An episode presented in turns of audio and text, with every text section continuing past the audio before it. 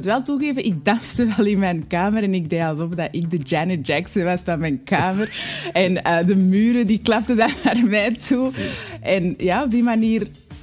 Dat was een andere wereld voor mij. Dat was ook zo de enigste waardering dat ik vond op, op mijn moeilijke jeugd dat ik had. En dansen en, en zingen was een verlossing van, van dat schaamte en dat kwetsbare gevoel in mij. Je, je schaamde je heel erg vroeg. Ja. Waarvoor schaamde je Ehm, vooral omdat eh, in het middelbaar zag ik dat ik he- heel anders was dan de meisjes in mijn klas bijvoorbeeld. Ook met de struggles dat mijn boeken niet op tijd betaald werden. En ehm, dan vroeg ik me af, maar heeft iedereen dan wel zijn boeken betaald? Ben ik de enigste? Ik voelde ook dat ik helemaal ehm, niet hetzelfde was dan zij bijvoorbeeld. Hallo, mijn naam is Peter Perceval. Welkom bij Keerpunt, een podcast over gewone mensen die buitengewone keuzes maken in hun leven. Mensen zoals u en ik, die hindernissen, uitdagingen, problemen, veranderingen tegenkomen in hun leven en vertellen over de manier waarop ze daarmee zijn omgegaan. Omdat het voor iedereen inspirerend kan zijn. Wil u nog meer van deze podcast zien of beluisteren? Abonneer u dan op onze nieuwsbrief via www.inspiringspeech.be en wij brengen u twee wekelijks op de hoogte van onze nieuwe afleveringen. U kan ons ook volgen via Vimeo, Spotify, Apple Music, Google Podcast, Soundcloud en YouTube. Vandaag praat ik met Jennifer Baez Matos. In de lagere school wordt haar talent en haar talenknobbel opgemerkt door de leraars, die haar zeggen dat ze vooral verder moet studeren en iets moet doen met haar intelligentie. In de middelbare school botst Jennifer echter op de sociale barrières die ze ondervindt omdat haar alleenstaande Dominicaanse mama haar boeken niet kan betalen. Dat is voor Jennifer het moment om te beslissen dat zij zelf moet instaan voor haar ontwikkeling. Hoe ze dat heeft gedaan en wat ze daarbij allemaal heeft beleefd, vertelt ze in de volgende podcast. Welkom Jennifer. Dank u wel, Peter. Dank u. Fijn om u nog eens te zien.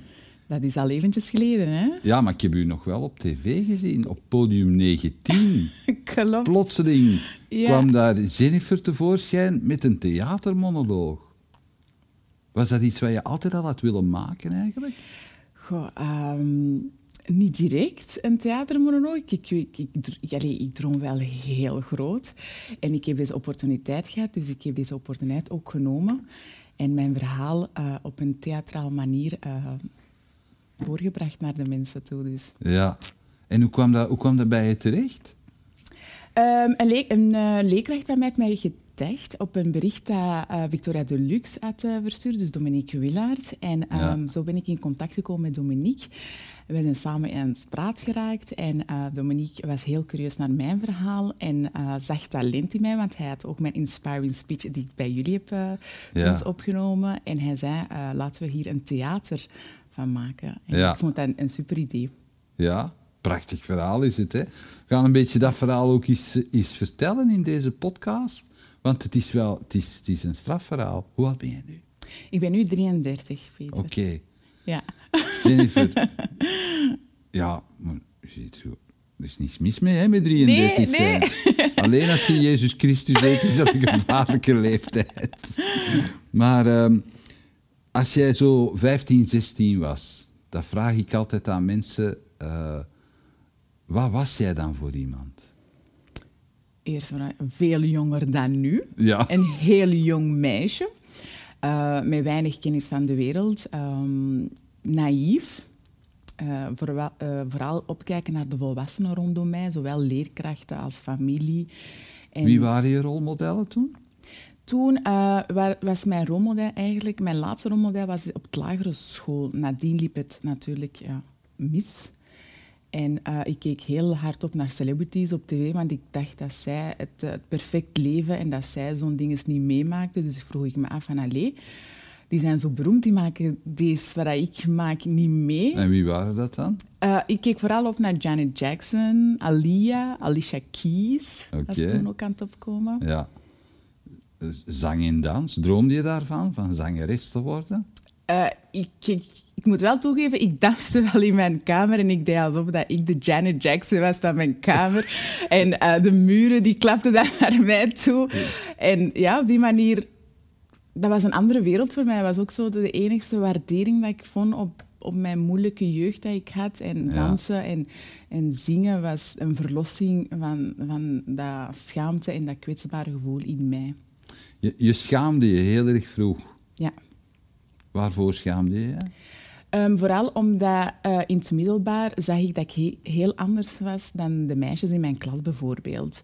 Ook met de struggles dat mijn boeken niet op tijd betaald werden. En ehm, dan vroeg ik me af, maar heeft iedereen dan wel zijn boeken betaald? Ben ik de enigste? Ik voelde ook dat ik helemaal ehm, niet hetzelfde was dan zij bijvoorbeeld. Dus je zegt dat dat gebeurde in het middelbaar. Uh, ja hoe, hoe, moet ik mij dat voorstellen? Want je, je, wat studeerde je toen? Uh, eerste, ja, eerste middelbaar uh, ben ik ineens hoger Latijn gaan studeren. Omdat mijn leerkrachten die moedigden mij dat ook aan. Ook met mijn Spaans. En ze zei... In de lagere school? Ja, in de lagere school, ja. Dus ze hadden gezien dat je wel een slim kind was? Ja, mijn punten waren ook goed. Ik ging ook heel graag naar school. Waar ging je naar school? in Atheneum Merksem. Oké. Ja. Daar om de hoek gewoond. Ja? En daar opgegroeid. Dat is waar, dat is waar. ja, ik ben ook in Merksem opgegroeid en nadien verhuisd naar Linkeroever. Oké. Zeg maar, dus ze zagen dat je, dat je het heel goed deed op school. Wat, wat, wat vonden ze daar thuis van?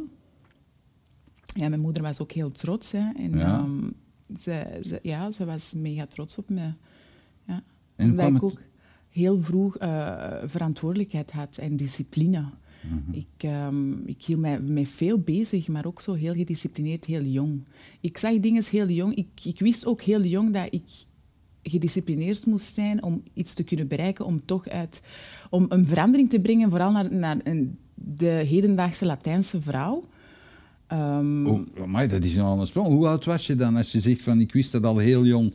Omdat ik, ja, ik, ik kon verschillen zien, hè. vooral met mijn vriendinnen en families. Ik zag dat bijvoorbeeld hun moeders uh, werkten en uh, hoge, hoge diploma's hadden.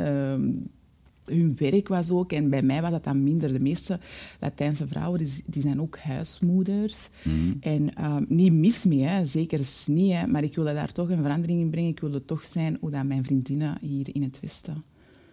Je zag dat niet als een toekomst voor jezelf, wat je, nee, wat je zag bij je, bij je tantes en je Nee, ik wilde iets anders. Ik, wilde, ik, ik, zeg niet dat ik nooit huismoeder ga worden, maar ik wilde ja, ook, ook zo'n een, een, een onafhankelijke vrouw zijn, Mhm. met, hoog geëduceerd en, en met een goede job en kennis van, van de wereld, reizen. Ja? Ja. Had je de indruk dat je mama dat allemaal niet wist of had?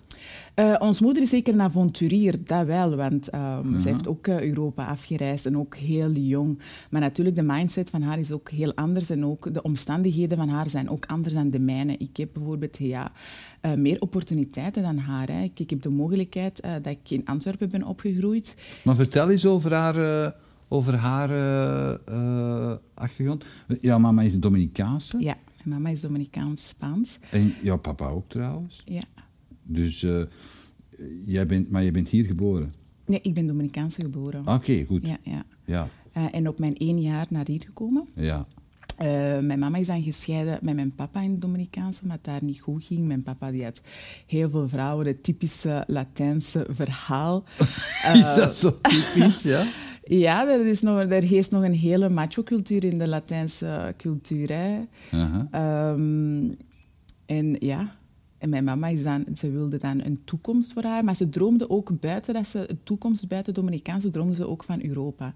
Samen met haar zuster hebben ze dan Europa, Griekenland, Italië afgereisd en dan hier in België toch beland. Hoe kwam ja. dat ze dan? Wat, wat, wat zochten ze in Europa? Wat, wat, wat trok je daarin aan? Vooral avontuur, hè? de landen verkennen. Ja. En uh, in destijds was toen Griekenland zeer, zeer op bij Griekenland. Iedereen wilde in Griekenland zijn en zij, zij wouden dat ook met een hele groep uh, ja, Europa vert, uh, rondtrekken hè, en de Ja. landen. Ja. En, maar dat was dus puur als, als toerist eigenlijk. Als twee avonturieren. Ja. Mijn tante en mijn eh, mama zijn eh, twee coole grieten, ja. Ja, ja, ja. Nog Ja. altijd. Nog altijd zijn ze twee coole Hoe, ja. hoe zoeken ze nu het avontuur? Eh, ik denk niet dat ze veel veranderd zijn. Eh, ze dansen nog eh, op muziek. Ze houden nog heel veel van de Beatles, Michael Jackson. Ehm, ja, dat zijn, dat zijn de twee coole grieten rond mij. Oké, goed. ja. Ehm, ze, ze zijn dan uiteindelijk gesetteld in België. Waarom, weet je waarom ze daarvoor gekozen hebben of hoe dat, dat gekomen is? Eh, nee, als, ik het, eh, als mijn mama het verhaal vertelt, dan ehm, zegt ze ja, de, het lot. Hè. Ehm, je hebt dan dromen en uiteindelijk beland je helemaal anders waar je in je gedachten Je had. hebt dromen en uiteindelijk belanden dan Nee, maar ook niet mis, want ze, ze vindt het ook niet mis. Hè. Ja. Eh, het is niet dat, dat, dat, dat, dat we het slecht aan toe doen, hè, maar natuurlijk. grappig. Dus- Ja, dat is wel. Nee, want hun dromen waren eigenlijk Zwitserland of Griekenland. Oké. Ja. ja. En eh, wat deed je mama dan toen je, toen je jong was? Wat, wat was haar beroep? Mijn mama, eh schoonmaakster. Oké. Ze heeft altijd als schoonmaakster en ook kapster. Eh, uit, van beroep is ze kapster. Ze kan heel goed haren doen. Ze doet ook altijd mijn haren. En die van mijn zuster. En ehm, ja, eigenlijk van alle meisjes en vrouwen in onze familie, zij, zij houdt van ehm, creatief zijn met de haren vooral. Later is ook je oma naar hier gekomen. Hè? Eh, die is bij jullie komen wonen ook. ja. Maar jullie hadden een beetje een, een, een, een Latijnse kokon gebouwd eigenlijk. Ja, ja, de vriendenkring is ook. Hè. Ze hebben die, de vrienden van mijn mama en mijn tante zijn ook allemaal bijna Latino's. Ja.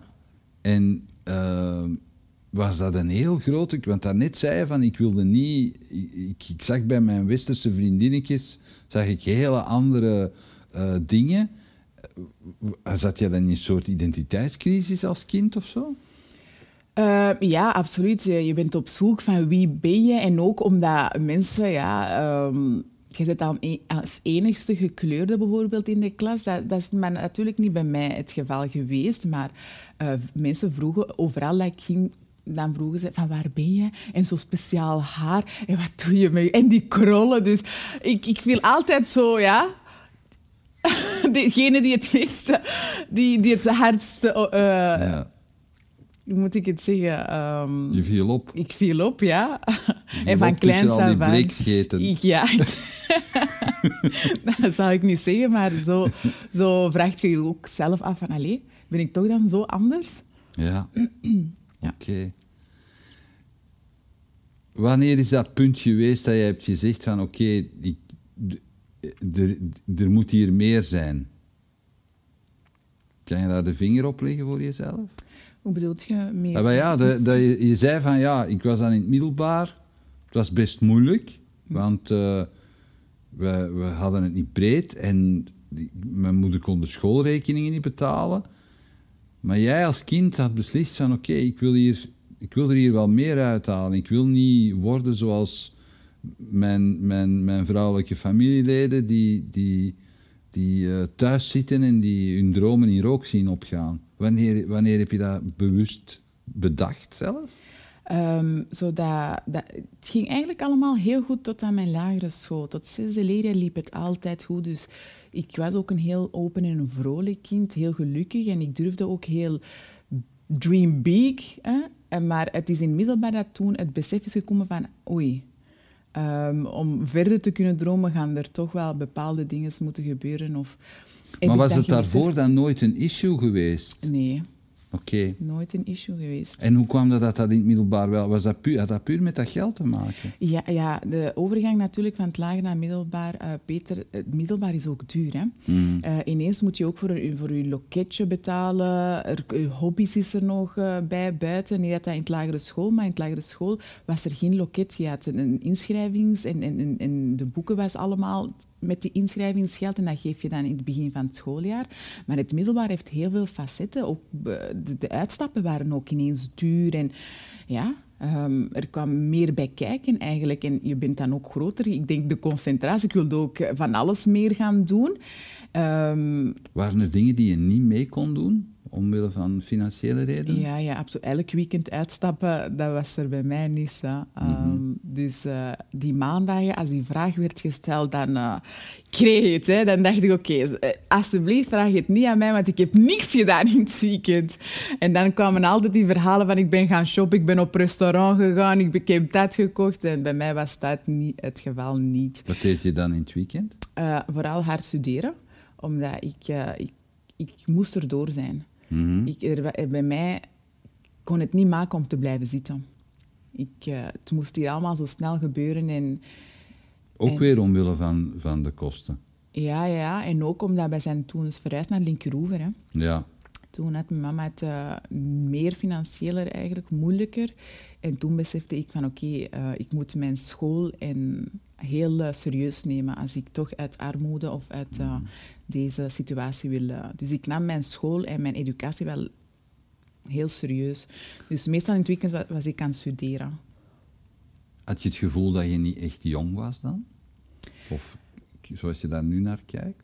Um, ik had, eh, zoals ik het zeg, ik, er waren twee Jenny's. Hè. Uh, natuurlijk, ik ga niet zeggen dat ik niet de gekke Jenny, want er was wel een gekke Jenny. En vooral dat dansen en, en zo in mijn eigen wereldje en vooral in de entertainmentwereld. Kon, kon daar zijn wie dat ik wilde zijn. Dat was een verlossing voor mij. Ik, weet, ik voelde waardatie en dat was ook zo het enige dat leuk was. En, en, maar waar ik terug van energie kon krijgen. School, dat, dat was alleen maar studeren en kreeg niet verder energie. Dat was voor mij ja, een hele druk achter mij. Um, vooral mm. eens dat ik school binnenstapte. Vooral ook zo die secretarissen en heel dat gebeuren rond mij. Um. Waren, dat, waren die mensen gemeen tegen je omdat, je omdat rekeningen niet op tijd betaald werden of zo? Ja, die secretaresse was heel gemeen. Maar die kwamen niet vragen hoe komt dat of is er iets aan de hand, moeten we iets doen? Dat heb, dat heb ik gemist tijdens mijn schooltijden. Ik heb niet echt het hulp gehad of iemand die zei um. Of, uh, ja. Niet binnen en niet buiten de school? Maar, nee, maar ik was daar ook niet open voor. Hè. Ik ging het ook niet zeggen aan de mensen. Ik schaamde mij voor zo'n zaken. Ja. ja, ik denk dat mensen dat heel erg onderschatten. Uh, de, de schaamte die bij armoede, we moeten dat zo noemen, hè, ja. komt kijken. Ja, ja. In wat, in wat uitte zich dat, die schaamte? Hoe, hoe uitte zich dat bij jou? En je zei van, ik zei daar niet veel over, maar waren er nog manieren waarop dat je... Ja, met, uh, met mij op, allez, zo afzonderen. Hè. Ja. Niet veel uh, vertellen, niet veel zeggen. bijvoorbeeld als ze vroegen van, wat heb je in het weekend gedaan? Maar had je vrienden? Ja, tuurlijk. Maar vooral twee soorten vrienden. De vrienden van op school. Ja. Um, want mijn, tot lagere school waren we een hele grote klik. dat waren toen de beste momenten. Dat waren ook vriendinnen en vrienden die in Merksen woonden. We gingen ook mm. vaak samen sporten, we gingen samen fietsen. Maar dan in het middelbaar maak je een keuze. Dus iedereen gaat naar verschillende richtingen toe. Dus ik had eigenlijk de meeste vrienden van mij waren, zaten niet meer in mijn klas. Ik zat enkel met vijf meisjes in mijn klas. En dat waren de meisjes van Braschaat en Schilde. En ik van Linkeroever. Ja. Dus helemaal anders dan zij. Ehm, ja. En dat kon je ook zien. Ik zag dat ook wel zelf. Ja? Ja, ja. Ook aan, aan de kledij en, en ja. Daar schaamde je ook over dan? Uh, in het begin niet echt, want ik vond zo dat cool gedrag wel leuk. Uh, dat was ook fijn. Ik keek op ook naar die coole grieten op tv, dus ik wilde ook hen zijn. Maar um, nadien zag ik van oké, we zitten in de puberteit. Dat vrouwelijke kwam ook bij mij. Dus ik wilde ook gaan hakjes gaan beginnen dragen. Ja, typische meisjes. Uh, maar ik heb heel lang heel sportief geweest. En voor mij zo basketters, een t-shirt. Voor mij was dat goed en dat was ook cool. Tot ik dan in het middelbaar terecht kwam bij die meisjes die dat mooi met hakjes droegen en make-up. Dan dacht ik, oei, ik loop hierbij als een jongetje. heel anders dan zij. Dus uh, toen begon ik wel verschillen te merken. Anders had ik die verschil niet en dat speelde ook geen rol. In de groever was het allemaal oké en fijn. Kon je, daarbij, kon je daarover met, bij je moeder terecht ook? Um, wij spraken niet echt over, over zo'n dingen. Mijn moeder, denk ik wel, ze zag wel na een tijdje van oké, ze wil hier verandering in brengen in haar en dat is oké hoor. Maar ze zag niet dat ik eigenlijk met schaamte tussen mijn vriendinnen op school zat. mijn moeder ging ervan uit van nee. Ze, ze- ik, ik heb haar ook altijd sportief gekend. Mijn familie kent mij ook als een heel sportieve en op school ook. En dat was ik ook, een heel sportieve. Dus ik kleedde mij ook heel sportief. Tot in het middelbaar, dan dacht ik, oké, mijn, mijn kleding moet hier veranderen. En ik wil ook meer vrouwelijk, meer meisje gaan worden, een jonge dame. Mhm. Welke sporten deed je? En vooral lopen. Ik woon ook heel veel medailles voor het school. Lopen. En nog altijd loop ik heel graag. En netballen. Netbal? Dat? Netbal. Ja, dat is zo'n soort volleybal, maar dat, we noemen dat netbal. Dat is eigenlijk ook de bal eh, over de net. Ah, oké. Ja. Het, ligt, het hangt lager net. Ja, dat weet ik niet. Ik herinner mij vaag iets. Ja. Ja. Is, ja, voor mij is dat heel lang geleden. Ik ben Net- maar wij noemen een dat- hele oude mens. Wij noemen dat in, in het lagere school netbal. Oké. Netballen. Ja.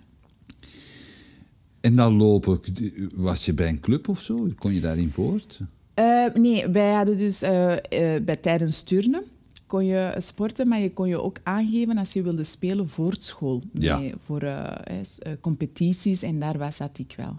Oké. En ik woon ook heel veel voor onze school. Dus ik werd daar gewaardeerd en voor mij was dat goed en leuk. En ja, dat was een heel andere wereld voor mij. Het lager en het middelbare zijn twee totale... In het middelbaar heb je dat dan niet meer gedaan? Nee, want nadien... ehm, het is te zien welke richting dat je volgt. Hè? En of Ja. je sportschool of je extra eh, talen en Latijn had niet extra sport. Ja, als je Latijn deed, dan moest je niet bewegen. Precies. ik denk wel dat je één, een uur sport had, maar niet extra sport en Ja. competities. eh, Dat is allemaal voor het brein. ja, ja. Competities voor de brains, ja. Zo, die mensen die, die, die, die zo'n dingen tegen je zeiden, of die opmerkingen maakten over, over je, je armoede, maak, maakten die ook opmerkingen over, over je kledij of over hoe je, er, hoe je eruit zag? Ehm, niet per se, maar je, je voelt gewoon dat je anders bent. En zeker als kind, je, je zit continu aan het vergelijken ook.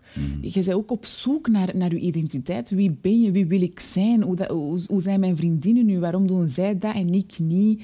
Ehm, ja, je, ik was daar heel hard mee bezig. Omdat dat viel ook heel hard op. Hè. Als je dan vijf meisjes die dan heel chic en net gekleed zi- zijn en dan eentje die sportief en nonchalant gedrag daarbij, eh, dan dat viel op, ja. Maar niet per se dat ze iets zeiden, maar goh, ja, ik hield, ik hield me wel daar bezig, ja. Oké. Ehm, je mama, ehm, die was, maar die was wel trots op, wat je, op hoe je presteerde in school, maar maakte het daar ook angstig? Heb je, want als je het zo goed deed, dan had je natuurlijk ook dromen van verder doen. Wat maakte haar dat angstig? Ehm, wij, wij- op den duur begonnen wij zelfs ruzie te maken. Ik was ook heel lang boos op mijn mama. Ik gaf ehm, de schuld aan haar, naar haar, ehm, omdat mijn boeken niet betaald werden en omdat ik ook dan toen van richting ben veranderd. Ik gaf volledig de schuld aan haar zonder het besef van... Je, je bent van richting moeten veranderen. Dan. Ja, ja. Ik, ik Omdat het te duur was? niet, omdat het te duur, te duur was, ja. En wat ben je dan gaan doen? Eh, ik ben dan een meertalige secretariaat gaan doen in TESO. Ja. Ik ben ook veranderd van school. Oké. Ja. Het werd mij te veel en ehm, ik kon dat ook niet meer aan. eh. Heb je dat zelf beslist? Van ik ga gewoon aan de school, aan de richting? Nee, voor, eh, eerst is mijn tante nog langs geweest. Hè, omdat mijn mama die sprak ook heel weinig Nederlands en zij durfde ook niet naar school te komen om dat, ehm, ja, om dat te zeggen. En eh, dan, toen is mijn tante gegaan. Maar het is niet opgelost. Hè. Het is niet dat er een oplossing is gekomen of iemand is met mij komen zitten en zeggen van zie, dit zijn de oplossingen. En, en er was ook eh, eind van het schooljaar moesten op een uitstap gaan om ja, u een soort eh, eindtaak te maken. Hè. En ik kon, bij die, kon daar ook niet bij zijn. Dus mijn, dat wil dan zeggen dat, mijn niet, dat ik mijn eindtaak niet kon inleveren. Kon ik dan nog overgaan? Dus ik zag zo alleen maar struggles in dat jaar dat ik dacht van oké, dit is een verloren jaar. Ehm, En hoeveelste middelbaar was het dan? Eerste. Het eerste. Het eerste, Het eerste ja, en gezegd van, ja, ja, ja. dit wordt In onmogelijk. december. Ja. En beurzen en zo, dat, dat, dat, dat, Ik dat wist, ging daar, niet. ik wist daar allemaal niets van. En je mama ook niet. Nee, Je werd daar ook niet in geassisteerd. nee, nee, nee. nee. Maar ik heb ook geen hulp gevraagd, hè, Peter. Ja, was dat, je zei al van, ik schaamde mij daarvoor. Maar dat hulp vragen, ehm, waar wa- was je dan dan bang voor? Wa- wa- waarom, wat was de barrière precies? Ja, eh, nu weet ik van al die zaken, maar op dat moment, je komt in het secretariaat en, en, en zij, vroeg zij vroeg mij waarom men mijn boeken niet betaalt. Ik heb daar geen antwoord op. En geen enkel leerkracht, ja, je hebt geen één leerkracht in het middelbaar. Elke leerkracht heeft verschillende lessen, dus echt een band heb je daar ook niet. Niet de band zoals ik had met de leerkrachten in mijn lagere school. Dus er was niet echt iemand waar ik kon zeggen, oké, ik ga hier mijn verhaal vertellen. Ehm, dat had ik ook niet. Wat ik zo erg vind, Jennifer, als ik dat verhaal hoor, is dat er echt niemand naar u toe kwam en zei: Ja, maar daar bestaan eh, hulpmiddelen voor. Ja, ik weet het. Ik vind het ook spijtig als ik nu naar... eh, Ik, ik kan me, ik, kan me, ik, kan ik begrijp dat niet, dat er niemand in de school dat deed. Ben je daar nooit boos om geweest? Ja, tuurlijk, nu gezien wel, maar ik snap ook de situatie omdat je hebt ook niet één leerkracht waar je echt een band mee hebt hè, in het middelbaar. Je, ik, ik, elke leerkracht gaat verschillende lessen. En dat waren, de ene leerkracht zag je dan één keer in de week, de andere twee keer. Maar, Maar, die niet- zagen toch ook dat jij een getalenteerd jong meisje bent, dat gewoon niet, niet zijn potentieel kan waarmaken. Ja, maar natuurlijk, eh, van september tot december kan je niet direct zien wie dat wel... ehm, de examens moesten beginnen, hè. Ja, maar In mijn sorry, maar als, ik, allee, Ja, ik ik ben vind- zelf lesgever. Je ziet dat op twee uur. Zie je dat? Ja. Nee, ehm, dat is ook heel spijtig hè, als ik eh, deze Ja. verhalen... Maar dat leeft dus wel effectief. Ehm, maar wat ik zeg, Peter, is... Een kind gaat dat ook niet van zichzelf doen. Zeker niet als je zo jong bent. Het zijn de volwassenen die eigenlijk de vragen moeten stellen. Mhm. Ik vind volwassene mensen, en zeker mensen onder educatieve instellingen, zij zijn degene. De secretaresse moest het anders aanpakken. Zij moest met mij zitten. Als je drie keer aan een kind vraagt waarom je boeken niet betaalt, en dan moet er toch wel een belletje gaan rinkelen en zeggen van oké, er is iets hier. Mhm. Ik ga mij zitten. En, en tegen de rest van de leerkrachten. Dat is wat ik nu gezien, dat is wat ik zie, dat er niet is gebeurd. Oké, je bent dan moderne talen gaan doen. Ja. Dat- je hebt dat goed gedaan, denk ik. Je hebt dat, dat Ja, ging makkelijk. gestudeerd. Ja, ja. Makkelijk, het zal, ik zal, dat zal ik niet zeggen, maar ehm, ik wilde niet terug eh, verder gaan zakken. Ja. Dus eh, ja. En eh, met, welk, met welk perspectief was dat? Waarom, was je dat? waarom had je dat gekozen? Niet, ik denk niet dat ik daar de tijd nam of echt... Ik, ik ben iets gaan doen, omdat ook mijn vriendinnen dan in de Joma zaten. En ik ben dan bij hen... ehm, ja, ik was eigenlijk op zoek terug naar dat warmte dat ik in het lagere school eh, miste. En ik dacht, ik, ga, ik wil bij mijn vriendinnen zijn. Ik ga volgen waar dat zij volgen. Ah ja, Ja, en eh, talen, waarom niet? ehm, oké. ja. Wat, was je lievelingsvak? Geschiedenis, Ja? nog altijd, ja. En waarom? Ja, eh, geschiedenis, dat, dat- de verhalen die, die zich spelen. En zonder dat je de kennis van wat er vroeger heerste, ja, dan weet je ook niet wat er vandaag allemaal speelt. Hè. Ehm, en vooral verhalen van de kolonisatie, eh, dat vind ik heel eh, boeiend. En ook onze, de leiders van vroeger, hoe dat zij het hebben gedaan. Mhm. Ja, ik vond het altijd wel heel boeiend. Zeg, en je, je, je, je hebt altijd een, een, ehm, een goesting gehad ook om, om op een podium te staan. Wanneer heb je dat echt beginnen doen? Eh, ik heb altijd gedanst. Ik heb ook met de M-Kids vroeger gedanst. Dat is Ja. al tijdens mijn lagere school, dus dat podium zat er wel. Ik, ik, ik haalde heel veel energie eh, van op podium te staan en te dansen en, en mijn ding te doen. Natuurlijk, eh, op een gegeven moment ben ik gaan beginnen accepteren van waar ik kwam. Want de struggles zijn niet gestopt op school. Hè. Nadien zijn er nog verdere struggles gegaan, omdat je dan natuurlijk... Je studeert iets en, en je weet niet echt ik, ik heb eigenlijk nooit de tijd genomen om te zeggen van oké, dit wil ik eigenlijk doen.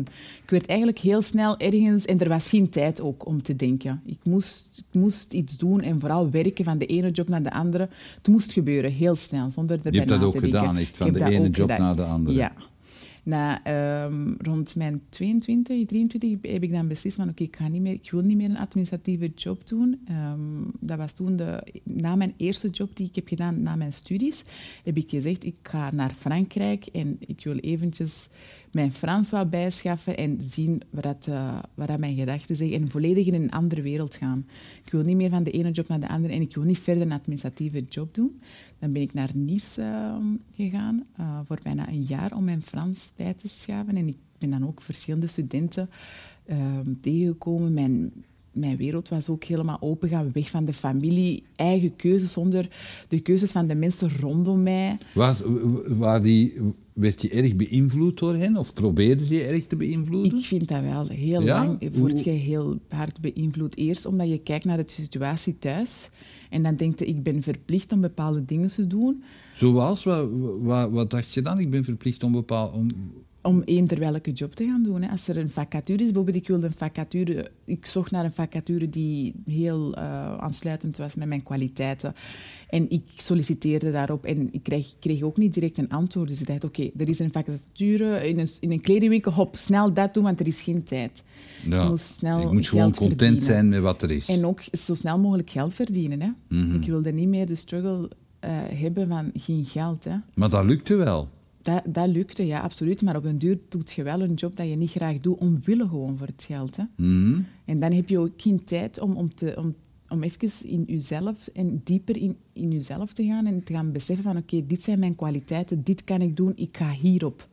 Maar wat heeft ervoor gezorgd dat je, dat je zei van... wa- Was er een moment waarop je zei van... Ja, maar wat zit ik hier te doen? Wat, eh, Ja, absoluut. Dat was toen met, met mijn eerste job. En na drie jaar administratieve job bij Commotie. En daar had ik zoiets van, oké, nu, nu stopt het. Nu wil ik echt gaan naar Frankrijk Maar gaan. hoe kwam het? Was er een situatie op het werk of zo? Waarin je zei Nee, van... was- Nee, nu is het goed geweest. Nee, het was heel lang saai. Ik had, ik had Dat is gewoon meer- saai. Ja, ik vond het niet meer leuk. Ik, ik vond dat ik meer te bieden had en, en dan, dan gewoon een administratieve job. Ik vond, nu wordt het tijd dat ik eens ga beginnen zoeken en doen wat ik echt graag doe, waar ik goed ook in ben. En dus je zei van ja, dat, dat was in mijn, in mijn omgeving. Mijn mama, die, die, die, die was daar bang voor. Die, die waarschuwde je daarvoor dan. Die zei, zou je dat wel doen?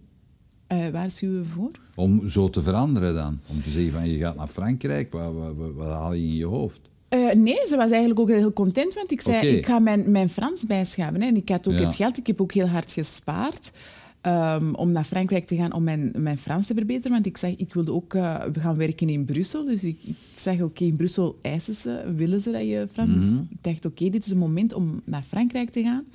En daar mijn Frans, maar ondertussen kan ik ook zo even op mezelf en andere mensen leren kennen, het land verkennen. Nice ben ik toen gegaan en... Ja, openbloeien, hè, zonder, de, zonder mijn omgeving, hè, zonder mijn vriendinnetjes, zonder mijn familie of werk. Ja, dat was toen het moment dat ik zei, nu wil ik voor mezelf. En toen ben ik eigenlijk gaan beginnen openbloeien. Je, hebt daar een jaar gezeten. Bijna een jaar, ja. En niet over huis geweest. Nee, En je mama is ook niet bij jou geweest? Of Nee. er is niemand op bezoek geweest? nee je was echt niemand. de Lone Ranger daar. Ja, maar ik vind dat het heel snel is gegaan ook. Mhm. Dus, dat, dat waren maanden en in Nice, prachtig, dat tropisch. En, ja, en ik ging soort ook voor te gaan studeren, hè, mijn Frans. Ja. En wat, wat, wat deed je precies? Wat heb je daar ge- ge- geleerd? Ehm, ik heb mijn Frans toen bij eh, Polylingua, denk ik dat dat Oké. noemde. En daar, ehm, dus eh, je kon daar zowel werk ehm, combineren met school. Hmm. eh, om je Frans zo bij te schaven. En ook de mensen rondom u in de omgeving in Nice spreken ze bijna allemaal Frans. Ja. Ja, En, dus, en wat deed je dan van werk? Deed je eh, in de horeca. hè. Oké, Ja, ja. In de horeca en ook als receptioniste. alright. Ja, In Nice, in Nice. Ja. wild leven? Het, was, het waren wel een van mijn beste tijden, moet ik toegeven, ja. Waren aan- ja, ik, ik voelde mij ook groot. Hè. Ik, ik had mijn familie rondom mij, mijn vriendinnen, nieuwe mensen, helemaal in een ander land. En ook Nice is helemaal anders dan Antwerpen of Brussel. Hè. heel heel tropisch. hè. Ja, ja, ja. Heel veel vrouwen gaan daar naartoe om de rijke vent uh, aan Is de naald te slagen. nee, bij mij was het geweld niet zo, Pieter. dat was niet je ambitie? Nee, nee, nee, nee. Je kreeg ook geen aanbiedingen? Ik wilde groot worden. Ik wilde, dat, ja, volwassen uiteindelijk worden. Hè. Ja. ja. Dus je hebt heel bewust want je zei dat daar straks al, van ja, ik wilde niet in die, die Latijnse cultuur van je moet trouwen en je moet een man hebben en je moet kinderen hebben. Ik wilde daar niet instappen. Je, op je 22 heb je heel bewust gezegd van ik ga dat niet doen. Ik ga een heel ander leven leiden. Ja. Ja. Ik wilde meer. Ehm, natuurlijk is trouwen en kindjes krijgen ook heel mooi. Um, Ik mhm. zeg niet dat, dat, ik dat nooit wil. Ik wil dat absoluut wel. Maar het, ik me meer... Ehm, ja, onafhankelijk ook zijn. Hè? Niet, ehm, niet enkel denken op een jong leeftijd, dit is het. Hè? Had jij dan het gevoel dat jouw mama bijvoorbeeld dat die heel erg gefrustreerd was door het leven dat zij leidde? Ik denk het wel hoor. Um, dat is niet gemakkelijk ook, omdat in onze cultuur wordt dat ook heel hard gepusht. Hè. Uh, veel vrouwen die doen dat ook. Hè. En dan zitten ze ook daar vast. En um, ik heb dat ook zo'n beetje geanalyseerd. Ook de armoede dat, dat heerst in Latijns-Amerika zijn meestal vrouwen met kinderen. Mhm. En dan denk ik dat is logisch, omdat die vrouwen ook geen, die zijn, die zijn ook niet verder gaan studeren, dus die kunnen ook niet opteren voor een goede job. En dan zitten ze met kinderen. En zo gaat dat verder en verder. En dat is die, dat is die barrière dat moet afgebroken worden. We moeten gaan inzien dat zowel man als vrouw beide een educatie nodig hebben. Dat de educatie noodzakelijk is om verder te kunnen gaan in het leven. Maar je hebt, je, je hebt een vrij uitgebreide familie. Hè? Die, die zitten ook uh, uh, over heel de wereld verspreid. Bijna. De meeste zitten wel nog altijd in New York. Ja. ja. Dat, is, dat, is, dat, is, dat is prachtig natuurlijk, dat je daar gewoon naartoe kunt en zie van, ik ga bij de familie. Ja. Maar... Um, hoe, was u, hoe, is hun reactie op, u, op uw manier van denken? Um, mijn uh, familie in New York zijn, uh, die zijn ook verder gaan studeren. Die hebben ook een heel andere mentaliteit. En ik denk ook in New York is dat ook heel uh, belangrijk om... Maar um, natuurlijk, ze zeggen van, het is fijn dat je, dat je zo ver bent geraakt, dat je bent gaan studeren, dat je reist, dat je veel dingen doet. Maar niet vergeten dat trouwen en kinderen krijgen ook heel belangrijk is. Hè. En uh, ik herinner mij nog, bij mijn dertigste verjaardag in New York gaan vieren en ze wisten eigenlijk niet hoe oud. Ik denk, op een duur zeiden de tel kwijt en niet iedereen is daarmee bezig. Alle chance, want dat is wel allemaal... Uh, als je jong bent, is dat wel fijn. En uh, toen ze vroegen van, en, en hoe, oud, hoe oud word je? En dan zei ik, ja, 30. Toen waren ze allemaal verschoten.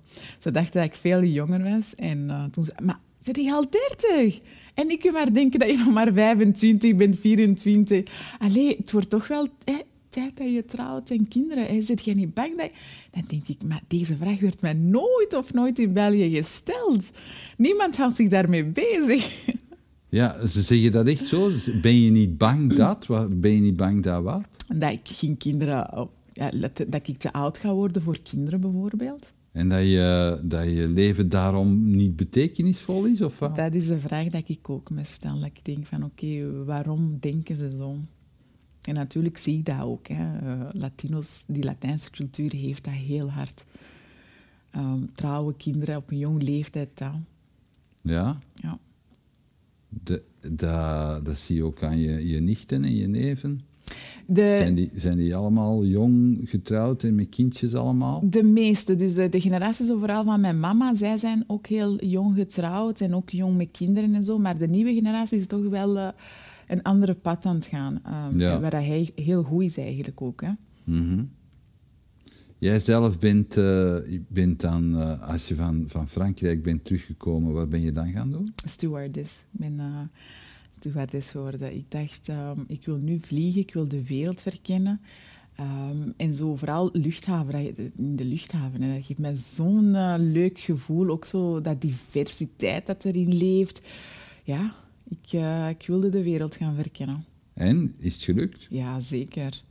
Zeker, ik heb ook heel veel mensen uh, leren kennen in die wereld, maar ik ben ook zo volledig uitgebloeid van een administratief bediende naar een, naar een, ja, een, een vrouw van de wereld. En, en waar, eh, waar vloog je overal? Eh, ik vloog vooral in Europa, omdat ik dat ook zo wilde. Ja. Ja. ik, ehm, tijdens mijn zomervakantie of tijdens mijn vakantie ging ik al sowieso naar, naar New York en Dominicaanse. En Jeter, toen, eh TuiFly, zij reisden naar Mexico bijvoorbeeld, of Dominicaanse Republiek. En ik had daar niet direct... ik wilde ook niet vaak weg van huis. Voor mij, Europa was al goed. Oké, Ja. maar dat, was, dat is wel hard werk. Ik bedoel, dat is dikwijls op en af, letterlijk. Dat is, eh, ja, het is te zien. Ik denk, eh, ik vond de administratieve hard werken. Want je, als je iets niet graag doet, daar word je moe van hè, en ongelukkig. Ja. Dus ik, eh, voor mij, als ik daar zo naar kijk, stewardess, ik vond dat leuk. Hè. Ik- ja, ik vond de administratief bedienen toch wel veel zwaarder. Ja, Ja, alle dagen op een bureau zitten, geprogrammeerd werken, je ding doen. Uh, stewardess, dat was alle dagen, ja. wa- Maar was je bent op een gegeven moment ben je, heb je beslist van niet meer te vliegen. Hoe kwam dat? Ja, ik ben verliefd geworden. Hè. Ehm, Oké. ja. Toch? dacht dat je zo ongenaakbaar was. Nee, nee, nee. Ik was toen verliefd geworden en ik, ik wilde ehm, ja, eh, dichter bij mijn vriend blijven en meer tijd ook hebben. Mhm. Dus vandaar ben ik dan geswitcht en ben ik dan naar Delta Airlines, maar dan ehm, als crew Grondpersoneel. grondpersoneel gaan werken. Ja. Oké. Ik had ook die opportuniteit. Hè. Ehm, ik was ook de manager tegengekomen tijdens een vlucht eh, van New York. En ik ben, we hebben dan zo gesproken en ik dacht, ja, ik ga eens voor een Amerikaanse vlucht eh, airline gaan werken. Oké. En eh, het toeval wil dat jij eh, eigenlijk aan de balie werkte waar de aanslagen van Ja. eh, tw- 22 maart zijn gebeurd. Ja, absoluut. En, maar jij was daar niet. Nee, ik was toen geopereerd aan mijn voet. En ik had toen geswitcht met mijn collega voor die dag. Anders had jij daar gezeten. Ja. Ja, ja. Maar toch, ik en was er je niet... collega afgelopen? Ja, goed. Hè. Ehm, ik was die dag niet aanwezig, maar dat was alsof ik die dag wel aanwezig was. Het kwam zo hard aan.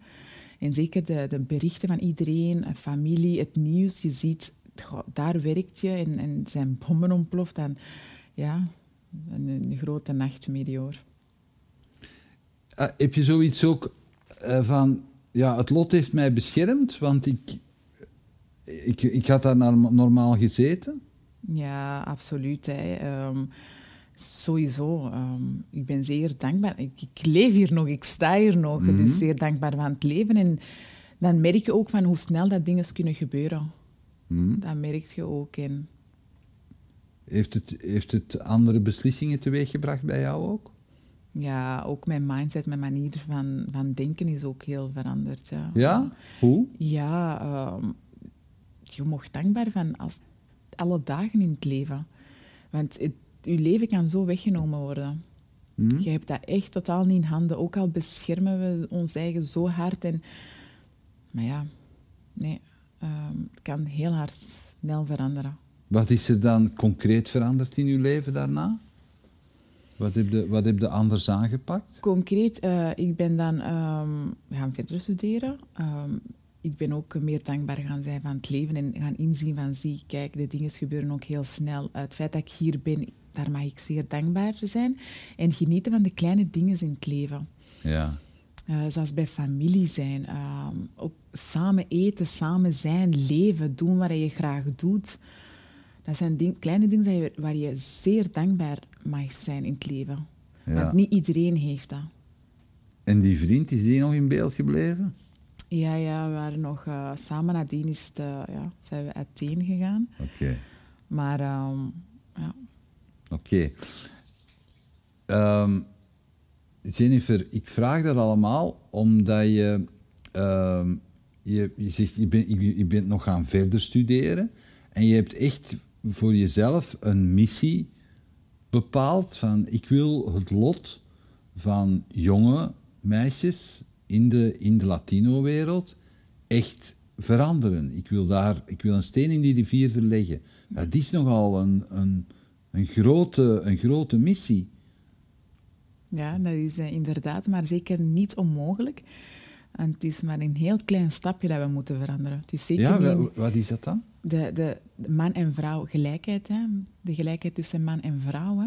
Als een man gaat studeren, mag de vrouw ook gaan studeren. En, en de vrouw moet zeker niet aan haar leeftijd denken. En denkende dat trouwen en kinderen krijgen, dat dat prioriteit is. Wil je piloot worden en, en, en je hebt ook heel veel struggles, gaat daar ook voor. En het begint met dat studeren. Het begint met de educatie, ja. Er wordt nog altijd heel hard aangemoedigd dat mannen, of 18-jarige mannen van gaan studeren. En aan een vrouw wordt al, al aangemoedigd van oei, je bent al 18, eh, tijd voor te gaan trouwen en kindjes... eh. 18 en uw Ja. baarmoeder heeft nog niks opgeleverd. Ja. Ja, zo klinkt het een beetje. ja, tuurlijk, absoluut. Absoluut, maar meer vrouwen aanmoedigen om te gaan studeren en, en, en meer aan- vrouwen aanmoedigen om te zijn waar, wie dat ze ook willen zijn. Maar dat is zo... Ik zeg, het is een gigantische taak, omdat als ik, als ik kijk eh, naar, de, naar, naar de machine die er tegenover staat, hè, van, kleine meisjes worden van, van jongs af ge, ge, soort, geïmpregneerd met beelden van Walt Disney-prinsessen tot, tot eh, eh, allerlei, allerlei andere rolmodellen van vrouwen die ah, op een troon worden gezet en, en, eh, en, en zich op een bepaalde manier gaan gedragen. En, dat is toch niet evident? Als jij tegen die stroom gaat inzwemmen en zeg van nee, nee, studeren is belangrijker. Wat zijn uw doelen daarin eigenlijk? Ja, ik kan zeggen, studeren is belangrijk, maar natuurlijk, wat ik eigenlijk wil zeggen, is dat de vrouw eigenlijk de keuze heeft om te zijn wie dat ze wil zijn of wat dat ze ook wil doen. Eh, een, mei- een meisje aanmoedigen om te gaan trouwen, dat is eigenlijk een beetje pushen, hè, dat ze maar één richting uit kan. Hè, Terwijl dat vrouwen en meisjes eigenlijk meerdere richtingen kunnen aangaan. Dat, het, het is, kan ook even goed zijn dat die 18-jarige meisje zegt van, zie, ik weet nog niet waar ik wil studeren en dat that's fine. Dat is oké en dat moeten we eigenlijk aanmoedigen. Dat moeten wij, dat moeten wij steunen en haar meer empoweren van oké, dat, dat is oké dat je het nu niet weet. Je hoeft het ook niet te weten. 18 jaar is ook vrij jong, hè. Maar niet haar enkel naar één richting gaan, gaan pushen. En zeker niet dat trouwen en kinderen, want dat heeft zoveel meer consequenties dan, dan wat dat de mensen eigenlijk denken. Je bent je eigen verhaal gaan vertellen daarover en daardoor ook het verhaal van je mama. Ja. Eh, en eh, je hebt dat heel publiek gedaan, je hebt dat bij ons gedaan, maar je hebt dat nu, je hebt dat nu ook in die monoloog gedoen, eh, gedaan. Wat vindt je mama daar eigenlijk van? Vindt ze dat leuk dat je dat zo open, open en bloot allemaal op de straat gooit? Eh, nee, want ze begrijpt eigenlijk wat mijn punt is. Ehm, ik ben helemaal niet kwaad op haar. Eh, mijn mama is, is een zo intelligent iemand met zoveel talent. Maar natuurlijk is zij in een omgeving opgegroeid waar dat er eigenlijk die talenten zijn weggehaald. En dat is omdat zij werd gepusht om te trouwen en kinderen te hebben op een heel jong leeftijd. Ehm, zoals ik zeg, jonge kinderen die gaan van zichzelf niet direct zeggen van ik ga nu deze doen, of die- volgen heel gemakkelijk wat dat grote volwassenen zeggen. En vooral, dat is een hele cultuur. Hè. Dat is niet maar één volwassene die zegt, ja, dat is een hele cultuur. Hè. Dus is, zij is ook opgegroeid in Santo Domingo, ehm, waar dat eh, de no- normaalste zaak is van de wereld. Maar ehm, zij begrijpt wel mijn punt, want ja, je kunt daar ook niet... Het ook niet anders zien. Ze vindt eigenlijk ook heel straf dat ik zoiets kan zeggen. En, en de schuld is niet naar haar toe, de schuld is naar de mentaliteit eigenlijk van het cultuur. En tuurlijk wil zij ook meer vrouwen zien, zo à la Alexandria Ocasio, vrouwen op de troon en vrouwen die het te zeggen hebben. Want een tafel die alleen wordt geleid door mannen, dat kan niet verandering brengen. Een tafel moet zowel gelijkheid hebben. Hè. Zowel mannen als vrouwen moeten samen een beslissing nemen voor wat een hele maatschappij, een hele gemeenschap moet doen. Hè. Mhm. Of mag doen. Ja. En daar kunnen we enkel vrouwen voor aanmoedigen en educeren om ook aan zo'n tafel te zitten. Wat zijn jouw concrete ambities? Of hoe, hoe probeer je dat, buiten het feit dat je je verhaal vertelt, hoe wil je dat concreet eh, vormgeven? Door ehm, natuurlijk, als ik zeg tegen mensen van ik wil, ik wil meer gelijkheid, diversiteit en armoede bestrijden, mensen, ja, velen begrijpen dat ook niet. En natuurlijk, je moet daar meer concreet in gaan. En door mijn eigen pijn en kwetsbaar op te stellen, geef ik ook zo die kleine ehm, ja, privézaken, dat, dat, dat, waar mensen ook zich, waar kunnen inzien van oké, zij bedoelt dat. Dit is wat er gebeurt met een kind als ze bijvoorbeeld niet, niet wordt uh, aangemoedigd of, een warme kokon wordt gegeven. Dit, dit is de ontwikkeling van bepaalde kinderen tot een, volwassen leeftijd. En uh, door meer verhalen daarin te geven, door meer verhalen te brengen, geloof ik, voor verandering van morgen. Ik kan niet enkel zeggen van armoede. Ja, wat is armoede? Ik denk dat veel mensen wel armoede wel uh, meemaken, maar toch velen weten niet wat dat exact armoede betekent. En als ik daar eigenlijk zo meer dieper in kan gaan, dan geeft dat meer een beeld van wat ik bedoel, wat armoede... Je wil eigenlijk aan mensen duidelijk maken dat het emancipatie begint aan de keukentafel. Zie ik dat juist? niet per se aan de keukentafel, maar... Um, ja, maar bedoel thuis. Thuis, thuis. Ja, ja, ja, absoluut thuis. Ja, ja, ja. En, en de rolmodellen ben jij, zowel zuster als moeder als oma. Jij bent de rolmodellen uh, voor, uh, voor je kind of voor je naaste. Je zegt daar iets, je oma, hè, die heeft, uh, daar heb je een hele nauwe band mee gehad. Ze is jammer genoeg pas overleden. Ja, ja. En uh, hoe, hoe, hoe belangrijk was die voor je? Ja, mijn oma was het allerbelangrijkste rolmodel in mijn leven. Hè. Hoe, hoe, hoe zat dat dan? Want zij, was, zij komt juist uit die heel klassieke uh, Latijnse concon. Ja, maar wat mijn oma had, is een hele sterke vrouw. Ook, zij komt natuurlijk van die... Maar zij, zij, zij, zij, vond, zij vond mij een hele coole vrouw ook. Zij, zij, zij vond het leuk dat ik ja, met de auto kon rijden, dat ik alleen kon reizen, dat ik op en af New York alleen deed. Voor haar was een hele nieuwe wereld. En, maar ze zag ook op en ze zei van, jij hebt die kans, grijp die kans ook. Wij hadden die kans niet. Ze moedigde jou aan? Ja, absoluut. Ja, ja. Mm Zij was ook heel trots op mij, mijn oma. We, we, zaten ook, we waren ook altijd samen. Hè. Ja. Ja. Mis je haar? Enorm, Peter. Ik mis haar enorm. Ja? Ja, ja. Soms uh, krijg ik zo claustrofobie omdat ik ze niet aan tafel heb of uh, niet met haar kan praten of zo, dat warmte. Vooral energie, ze geeft mij heel veel energie. En, dat, mm. en dat vind ik nu tegenwoordig niet meer. En ja, ik mis haar enorm, alle dagen. Hoe deed ze dat? Gewoon door te babbelen? Of wat, wat deden jullie ja, dan met z'n twee? gewoon te babbelen. Die gesprekken, dat is warm, hè aan tafel zitten met, een authentiek iemand die over het platteland praat en dan zo met trots en over de kolonisatie, over de verschillen in onze cultuur. Of... Mijn oma zelf heeft ook gereisd. Hè. Ze, ze is naar Venezuela voor heel lang gegaan, naar Caracas, daar gewerkt voor heel lang. Dus daar sprak ze heel lang over. En nadien zijn wij samen naar New York gegaan. Dus mijn oma heeft ook wel gerezen met mij. En daar spraken we ook heel vaak in. Um, over wat ze ging aandoen, uh, haar lippenstift, haar haartjes en, ja, en, en koken, lekkere, lekkere maaltijden maken. Ja. Waarom is ze eigenlijk naar België gekomen? Want ze had even goed, ze had even goed naar New York kunnen ja, gaan. Tuurlijk. Um, de, haar, twee haar twee enigste dochters waren hier. Hè. Dus ah, zij, zij volgde haar dochter. Zij heeft eerst vier zonen. En bij hmm. haar zonen wouden ze niet zijn. Dus, uh, dus heeft zij haar vier... Uh, ja, ja. Mijn oma heeft heel lang... Ze, wil, ze, ze woude meisjes. En ze heeft dat... Ze heeft elke keer zitten proberen. Na vier keer heeft ze een meisje gehad en dan nog eens een meisje. Dus voor haar waren haar twee meisjes haar trotsheid. Oké. Ja. Goed. Mijn tante en mijn mama waren haar trots.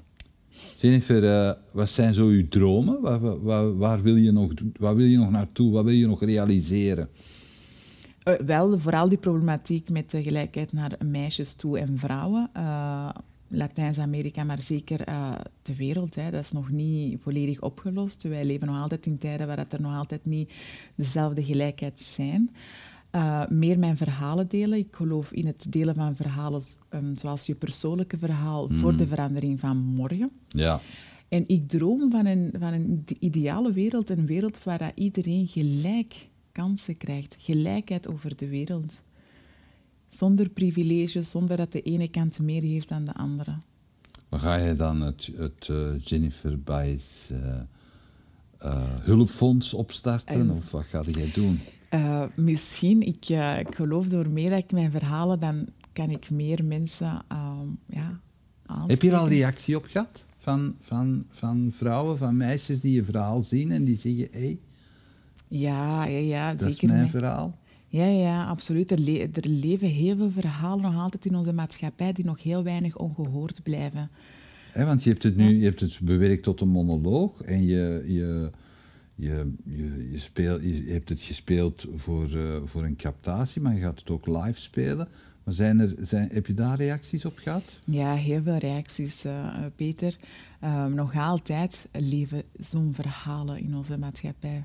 Velen konden zich um, in, uh, identificeren in wat ik zei. Ja. ja. Heb je dan ook een roeping om te zeggen van ik ga bijvoorbeeld met, uh, nu met armoede, met, met, mensen van de armoedewerking op stap? Of hoe, hoe wil je dat concreet doen? Wie weet, hè, alle kansen zijn natuurlijk uh, uh, fijn. Hè. Hoe meer kansen dat, hoe, hoe, meer deuren, hoe meer kansen dat er open gaan, ja, hoe beter. Hè. Mm. Uh, maar ik wil zoveel mogelijk mensen aanspreken met, met zo'n verhalen, zodat wij samen, of in elke bedrijf, um, er iets aan doet. Want enkel wij samen kunnen zorgen dat de wereld verandert. Dat kan niet één persoon. Mm. En door mijn verhalen, mijn stem te geven, ja, dat, dat komt bij iedereen terecht. En hoe meer, hoe meer dat, dat terechtkomt bij verschillende mensen, ja, hoe meer dat er kansen is dat, dat er verandering kan. Ik ben er ook bewust van dat veel mensen ook niet weten van zo'n verhalen. Hmm. Of dat ze de ogen sluiten? Of dat ze de ogen sluiten. Kan ook, ja, absoluut. Mm -hmm. Ja. Oké. Dat is er ook. Helaas, jammer. Ja. Jennifer, als jij nu, met alles wat je nu weet en alles wat je nu hebt meegemaakt al, als je nu zelf zou terug tegenkomen als, als 15, 16-jarige, wat zou je dan tegen jezelf zeggen? Oh, ik zou ze eerst een dikke knuffel geven, hè, kleine Jenny. Had je, werd, je niet, werd je niet veel uh, vastgepakt toen? Jawel, mijn oma knuffelde en mijn mama jawel. Okay. En mijn vriendinnen ook. Kijk, zeg het u, mm -hmm. tot lagere school liep alles goed. Hè. Ik had een mm -hmm. hele grote vriend. Het is nadien dat ik mij begon op te sluiten en niet meer... Um, ja, mm. kwetsbaar en schaamte rondliep. Maar ik zou ze een hele dikke knuffel geven en zeggen: Jenny, je hebt alles wat je nodig hebt om het te maken. Ja. Ja, dat is heel mooi. Die vertrouwen geven, want dat is, dat is, dat is waar veel kinderen mee struggelen. Ze denken dat ze het nooit hebben. En durf, gewoon durf. Laat u niet misleiden door volwassenen, want er zijn heel veel volwassenen die het zelfs nog niet weten. Dus laat het. Durf gewoon. Oké. Okay. Ja. ja, dat is een hele mooie. om mee af te sluiten. Dank je wel, Peter. Jennifer, ik wens jou heel veel geluk. Ik wens jou heel veel uh, mensen die naar jou luisteren ook binnenkort nog. Want uh, je gaat nog met je monoloog spelen, hè? Ja, live. Live. Oké. Okay. Zeker. En vast nog wel veel daarna. Ja, ja, ja. Zeker en vast. Tot ziens. Tot ziens, Peter. Dank je wel. Bedankt dat je keek naar deze aflevering van Keerpunt. Wil je op de hoogte blijven van nieuwe afleveringen en nieuwe interessante gasten? Abonneer je dan op onze nieuwsbrief via www.inspiringspeech.be. Iedere twee weken brengen wij een nieuwe aflevering online op inspiringspeech.be, YouTube, Vimeo en Soundcloud. Tot ziens.